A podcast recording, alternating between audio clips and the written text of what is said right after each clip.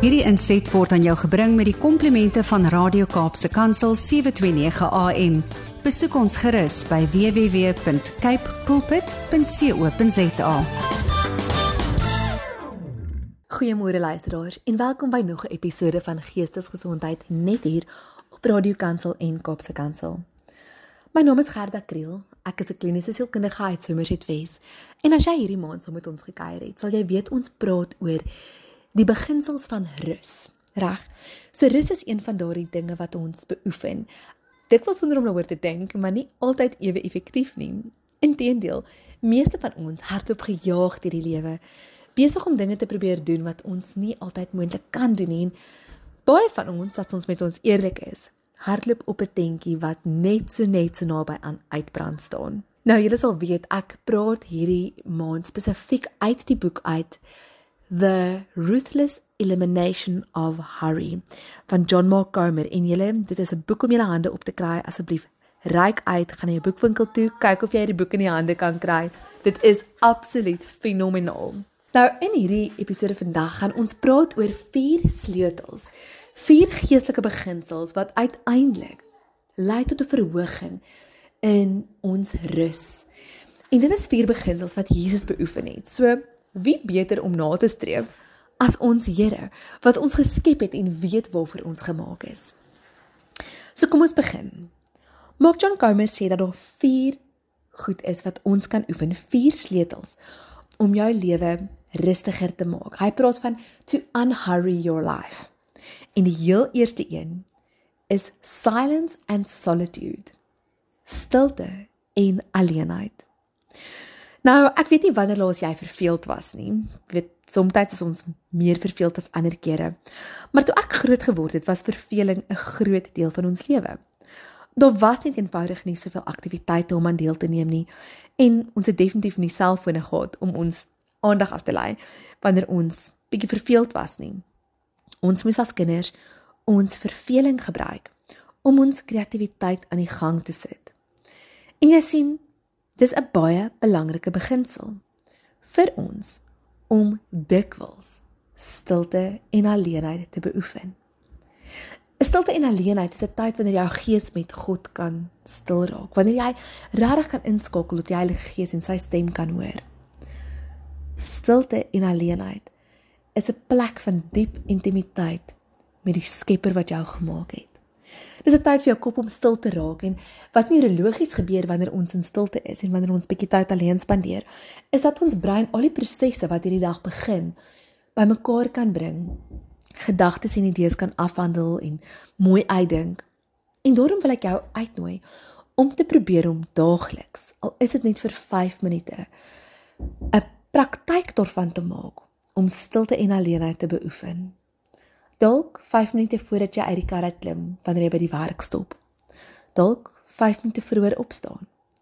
Wat ook al jy nodig het om vir jouself ruimte te skep om stilte en alleenheid te beoefen. Nou die tweede een het ons verlede week oor gepraat en dit is die beginsel van Sabbat. So ek wil nie te veel vandag daaroor sê nie, maar die Sabbat is besonder want God het dit vir ons gemaak om te kan rus. Nou, as ons bietjie dink oor wat die woord Sabbat beteken, beteken dit om te stop. Dit is 'n dag om te stop, om op te hou werk, op te hou begeer, op te hou bekommer, net om stil te kom. Julle weet, ek wil regtig wou hê ons moet besef dat die teenpool vir 'n gejaagde lewe is 'n lewe van rustigheid en vrede. En daarom wil ek hê ons moet die Sabbat begin oefen. Daarom wil ek hê jy moet besef dat daar woorde daarin lê om elke dag of elke week 'n dag te vat en regtig te rus. Kan jy dink stadiger jou lewe gaan beweeg as jy weet jy het een dag van die week waar jy net rus?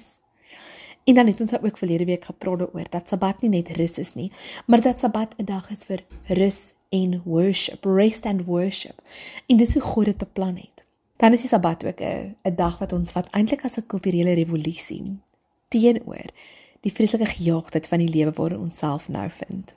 Nou vriende, luisteraars, geliefdes, ons kan aanhou om te jaag teen hierdie spoed wat ons doen, maar iewers moet ons begin rus en God het vir ons dit reeds gegee.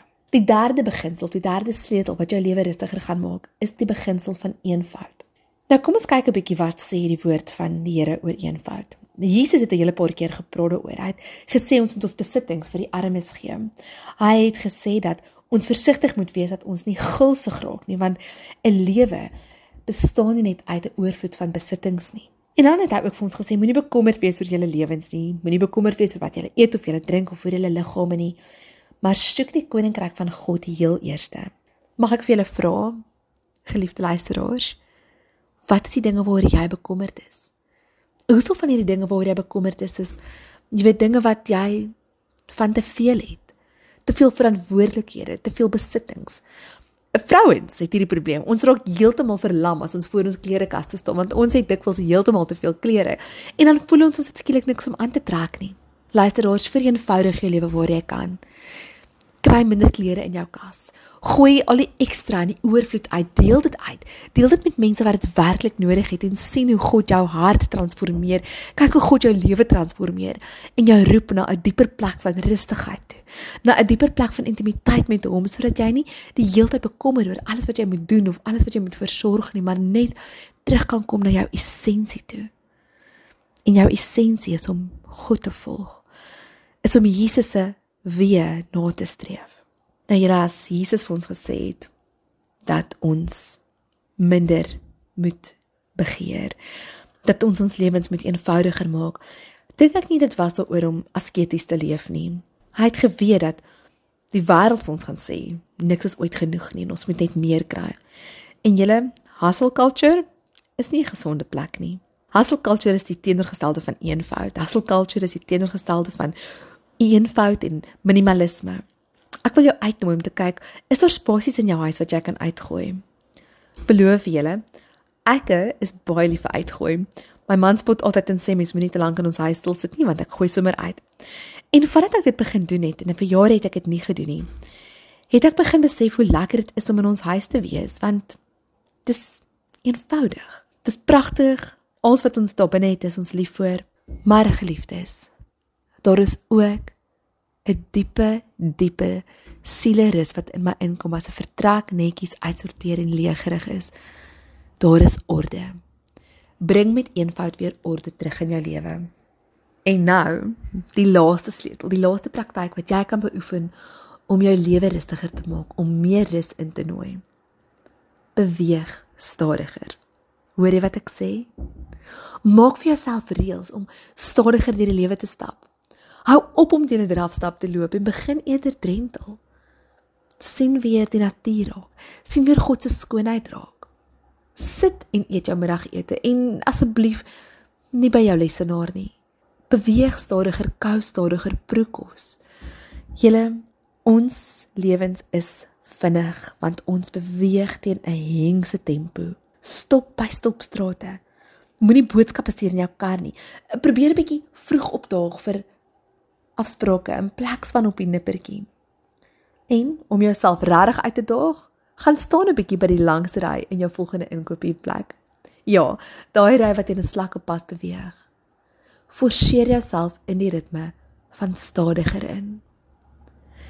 Jy sal voel hoe jou siel met jou liggaam opvang. Ek het intedeel die mooiste sê ding gehoor van die bosmense, die bushman, die die bushmans. Wat 'n sê ding het dat hulle na se hardloop en gejag stop en rus sodat hulle siele met hulle liggame kan opvang. En dit is presies wat ek jou wil nooi om te doen. Beweeg teen 'n stadiger pas.